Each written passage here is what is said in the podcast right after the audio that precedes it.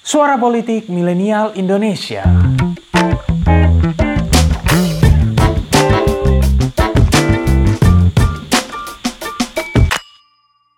Dan ini yang namanya mendorong ekonomi digital. Saya tidak real, saya nggak bisa memverifikasi datanya. Karena eh, hampir sebagian unicorn itu tidak pernah menerbitkan apa tidak pernah eh, secara transparan eh, membuka laporan keuangannya sejak 76 sampai sekarang itu nggak ada inovasi. Kita harus jujur. Halo Sobat Pinter Politik, kembali lagi di channel YouTube Pinter Politik. Uh, hari ini senang sekali uh, kita kedatangan tamu, ada Pak Ardi Suteja. Uh, beliau ini Ketua uh, Indonesian Cyber Security Security Forum, ICSF. Dan hari ini kita akan bicara banyak tentang isu uh, ekonomi internet Indonesia yang isunya ya lumayan ramai lah diperbincangkan. Apakah kita harus bangga dan lain sebagainya dengan banyaknya unicorn dan lain sebagainya itu. Oke, makasih Pak Ardi untuk waktunya sudah mau untuk berbincang dengan kita hari ini. Yang pertama nih Pak, ini pertanyaan yang mungkin uh, banyak juga ditanyakan oleh follower Pinter Politik. Uh, 2019 lalu kalau nggak salah Google itu pernah memprediksi bahwa ekonomi internet Indonesia itu nilainya bisa sampai 40 miliar dolar atau sekitar 566 triliun rupiah. Itu jumlah yang sangat besar. Uh, banyak yang juga bilang bahwa Indonesia ini jadi istilahnya salah satu negara dengan ekonomi internet yang paling besar di Asia Tenggara bahkan Asia secara keseluruhan. Apakah itu positif atau kita harus melihat dari sudut pandang seperti apa dengan uh, apa yang disampaikan oleh Google itu, Pak? Betul, jadi gini ya. em, saya juga sangat gembira melihat apa mendengar eh, bahwa Indonesia itu memiliki potensi di ekonomi digital yang cukup besar. Oke. Eh, ini juga boleh dikatakan sesuatu yang membanggakan ya. Tapi sebenarnya masih banyak kerjaan-kerjaan rumah yang kita sendiri belum belum lakukan untuk menuju ke arah sana. Ya. Sekarang lagi ramainya apa? eh, semua bicara revolusi industri 4.0. ya. Itu. Cuman yang jadi pertanyaan itu yang proses 1.0, 2.0, 3.0 itu kapan? Tiba-tiba kita kok tiba-tiba leapfrogging loncat eh, loncat galah gitu ya ke 4.0, 4.0. Ini proses. Jadi kalau kita mau bicara teknologi kita harus tahu proses. Nah di kita itu berlaku eh, kalau udah bicara teknologi kita berla- berlaku yang namanya eh, PPT ya, People Process Technology. Nah ini tiba-tiba udah langsung ke 4.0. Berarti yang 3.0, 2.0 Nggak, kita kita belum nggak- sampai. Kita eh, apakah kita ngalamin eh, walau alam tiba-tiba eh, sudah eh, ibaratnya kita udah sampai bulan gitu, tapi nggak ada persiapan. Kita tidak punya kemampuan ke bulan, tapi tiba-tiba udah sampai bulan. Ini jadi persoalan, ya. Artinya eh, dipaksa, dia apa kalau orang bilang dikarbit gitu ya, untuk menuju ke masuk ke teknologi yang lebih lanjut, ya. Nah sementara SDM kita juga belum siap Oke. untuk menuju ke sana ya. Eh, walaupun angka-angkanya mendukung eh, ke arah sana, tapi angka-angka itu kan juga boleh dikatakan eh, apa eh, normatif sekali. Angka-angka itu. Jadi sumbernya dari mana, ngukurnya bagaimana, apakah mereka lihat di lapangan seperti apa? Eh, karena apa yang saya temukan di kalau saya pergi ke taruhlah luar Jakarta ya, Oke. itu angkanya berbeda. Artinya indikator-indikator itu tidak tidak sejalan dengan apa yang eh, apa namanya yang eh, sudah disajikan di, di ini. Jadi ini di mana masalahnya nih? Ya. Yang jelas kalau udah urusan SDM jelas SDM kita belum siap ya untuk arah sana. Eh, yang dijadikan eh, katalis atau dijadikan simbol itu kan sekarang unicorn unicorn. Apakah unicorn itu juga eh, bisa merepresentasikan eh, keadaan SDM kita yang sebenarnya? Tidak. Ini yang jadi masalah. Nah ini kita mulai benang kusutnya dari mana? Dan ini juga terus terang aja eh, tidak berhenti ya. Jadi ibaratnya dulu kalau kita punya, eh, jadi dari kalau kita kalau kita bicara 4.0, nah ini kita bicara tahapannya menuju sana. Jadi kalau kita bicara tahapan dulu eh, dari periode tahun 76 ketika ma- kita bangun satelit, ya bangun satelit tancap bangun walaupun yang bangun itu adalah eh, pabrik di Amerika yang sekarang namanya Lockheed Martin ya. Oke. Eh, dulu namanya Hughes Hughes eh, Hughes, eh, Hughes, te- eh, Hughes Aircraft ya. Nah, sejak 76 sampai sekarang itu nggak ada inovasi. Kita harus jujur, kita harus jujur mengatakan ya, kita nggak punya inovasi. Yang ada inovasi yang terjadi itu adalah membawa sesuatu yang sudah jadi, tinggal tempel merek.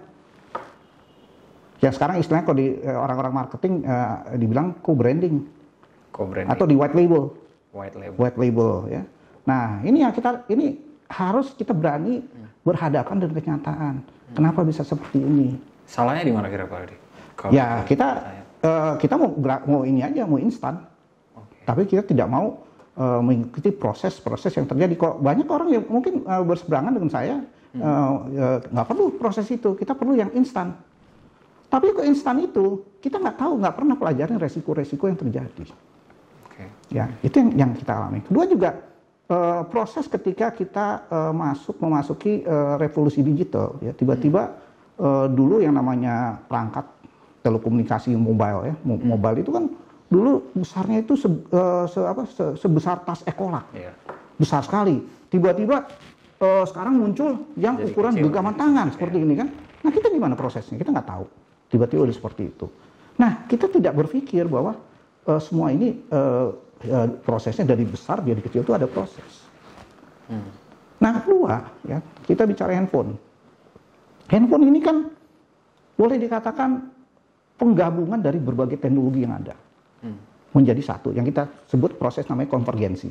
Ya tadinya tadinya radio sendiri eh, Walkman sendiri, sendiri, ya, eh, terus apa namanya Kamera sendiri. Nintendo sendiri ya eh, telepon sendiri Iya. nah itu menyatu dalam satu perangkat itu yang kita sebut konvergensi nah apakah masyarakat menyadari hal itu saya nggak yakin Iya. menyadari itu hal ketiga kita diberikan anugerah teknologi yang cukup canggih kita nggak pernah diajarin cara makainya kita beli ke gerai, beli ke gerai, atau ke- di pameran lah.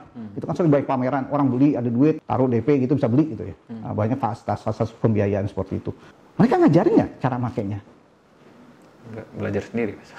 Otodidak kan? Iya, Ya pakai. Tapi artinya tidak sepenuhnya fungsi-fungsi kecanggihan dari perangkat itu mereka pahami. Dan kedua juga kalau kita tanya ya terkait dengan penggunaan perangkat, Eh, kita tanya eh, kepada pabrikan, pabrikan ya. Sekarang apa yang Anda sudah pernah berbuat untuk mengedukasi konsumen atau pelanggan Anda terkait dengan penggunaan handphone? Oh, mereka bilang kami sudah menerbitkan buku panduan. Nah, tanya sama masyarakat, pernah nggak Anda baca buku panduan penggunaan handphone Anda? Saya, saya berani bertaruh, nggak semuanya uh, pernah membaca. Saya cuma satu kritik. Saya nggak akan baca tuh buku. Kenapa? Terlalu kecil. Bacanya pakai kaca pembesar. Yes. Ya, artinya apa? Males kita baca seperti itu. Dikasih, ya oke, dia cuma memenuhi persyaratan, dia harus punya buku panduan dicetak. Tapi tidak memenuhi syarat untuk kita bisa baca. Nah itu jadi masalah. Nah coba anda bayangkan teknologi semua ini, semua disuruh otodidak.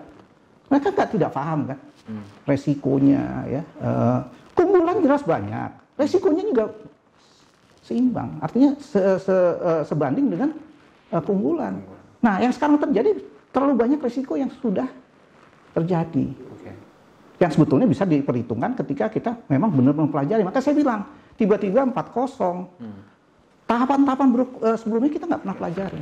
Jadi orang yang bilang bahwa ini overvalue nilai ekonomi internet Menurut Indonesia. saya ya, Oke. overvalue. Karena masyarakat tidak siap. ya. Dan ini yang namanya mendorong ekonomi digital. Itu kan perlu uang. Perlu uang. Nah masyarakat mau spending itu duit dari mana?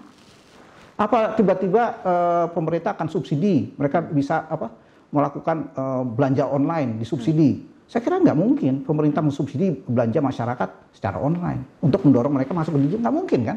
Artinya apa? Mereka harus bekerja keras, mencari uang, menyisikan uang untuk bisa online. Dan apa semuanya harus online? Saya kira enggak. Nggak semuanya harus online karena online itu juga ada sisi sisi nggak baiknya, negatifnya. Itu juga menimbulkan kita kemal- eh, menjadi malas. Ya kita di rumah belanja tekan tombol, kita nggak keluar rumah, Eh, kondisi fisik ya eh, ini jadi menurun, kita rentan dengan penyakit. Itu udah mulai banyak terjadi, seperti itu. Oke. Tentang ekonomi internet itu Pak. Kan ini orang banyak membanggakan karena Indonesia punya beberapa perusahaan lah ya, yang startup kemudian menjadi unicorn dan itulah yang dibilang sebagai oh ini ekonomi internet Indonesia ini diukur dari sini. Sebenarnya kita benar nggak sih melihat ekonomi internet dari keberadaan unicorn-unicorn itu katakanlah yang perusahaan yang sudah secara valuasi itu udah luar biasa. Ya valuasinya menurut saya itu apa namanya tidak real ya, tidak, real. Kenapa? Saya tidak real. Saya nggak bisa memverifikasi datanya. Karena eh, hampir sebagian unicorn itu tidak pernah menerbitkan apa tidak pernah uh, secara transparan uh, membuka laporan keuangannya. Apakah mereka rugi atau untung? Nggak pernah kan? Saya, saya, saya selalu tanya sama teman-teman, uh, itu data fantastis, luar enak kita dengar, Ya, dengar hebat, enak banget dengar, wah asik nih, uh, ini maju nih. Akhirnya itu masyarakat benar-benar membuat startup. Hmm. Tapi ada sisi dan resikonya pernah nggak mereka pelajari? Ya, terutama kalau kita mau lihat keberhasilan kita ukur dari laporan keuangannya. Nggak pernah kita lihat itu secara transparan. Kalau memang uh, unicorn unicorn ini, ya, saya sih bangga uh, dengar ada unicorn Indonesia masuk, misalnya daftar uh, apa uh, Forbes ya, yeah. atau Fortune 500 ya, hebat. Tapi saya juga harus kritis melihatnya apa iya valuasi itu kan enak lihat di atas kertas, tapi realnya seperti apa? Karena kita nggak pernah lihat uh, pembukuannya seperti kalau misalnya perusahaan-perusahaan di akhir tahun itu kan biasanya suka menerbitkan apa uh, laporan keuangan ya, uh, apalagi sekarang mau jangan tutup tahun di apa tahun pajak. Uh, itu ada kewajiban untuk menerbitkan di, di media itu laporan keuangan. Nah, apakah kan mau seperti itu? Hmm. Ini yang kita jadi pertanyaan.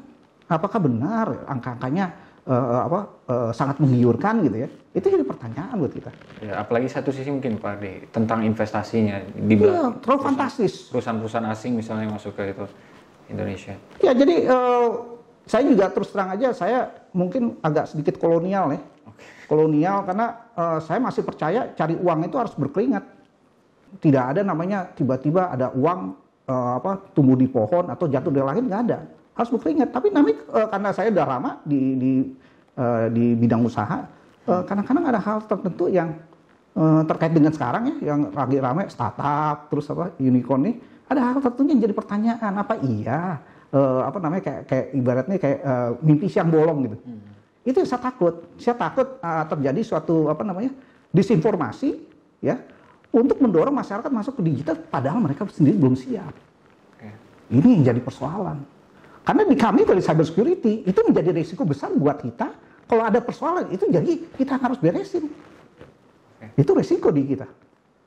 Apalagi eh, dengan eh, apa sudah terbukti dalam beberapa kasus yang terjadi ya, itu karena eh, diakibatkan karena ketidaksiapan masyarakat. masyarakat okay. Ya contohnya tadi saya bilang uh, buku panduannya buku mereka panduan. belajar sendiri.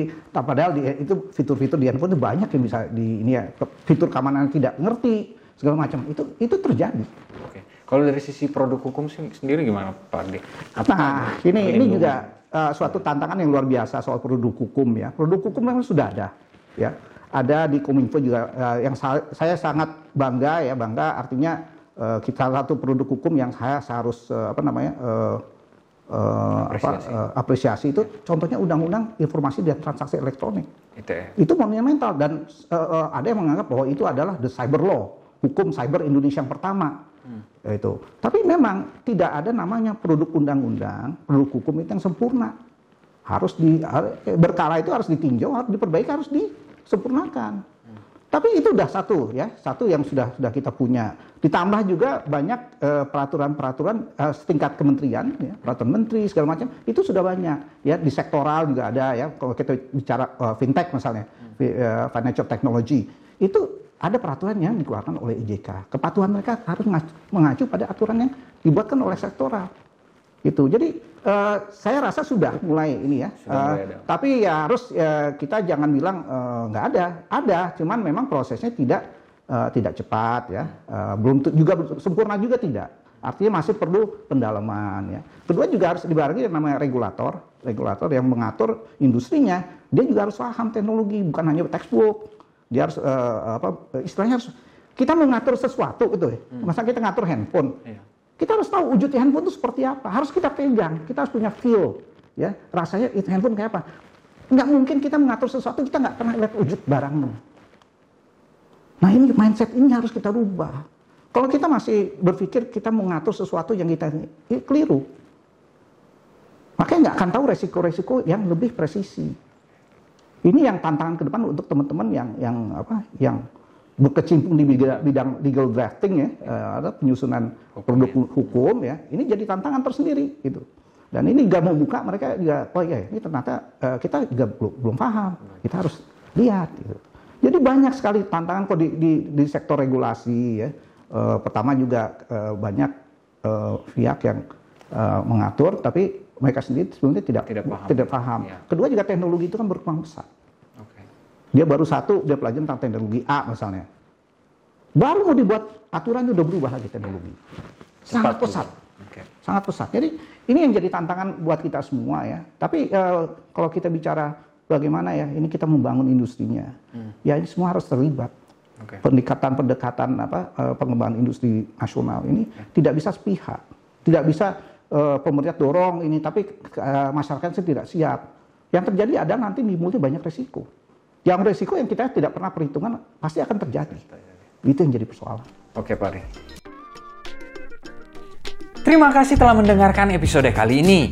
Nantikan episode-episode selanjutnya dan jangan lupa untuk kunjungi pinterpolitik.com untuk dapatkan informasi seputar fenomena politik di Indonesia. See you next time and bye-bye.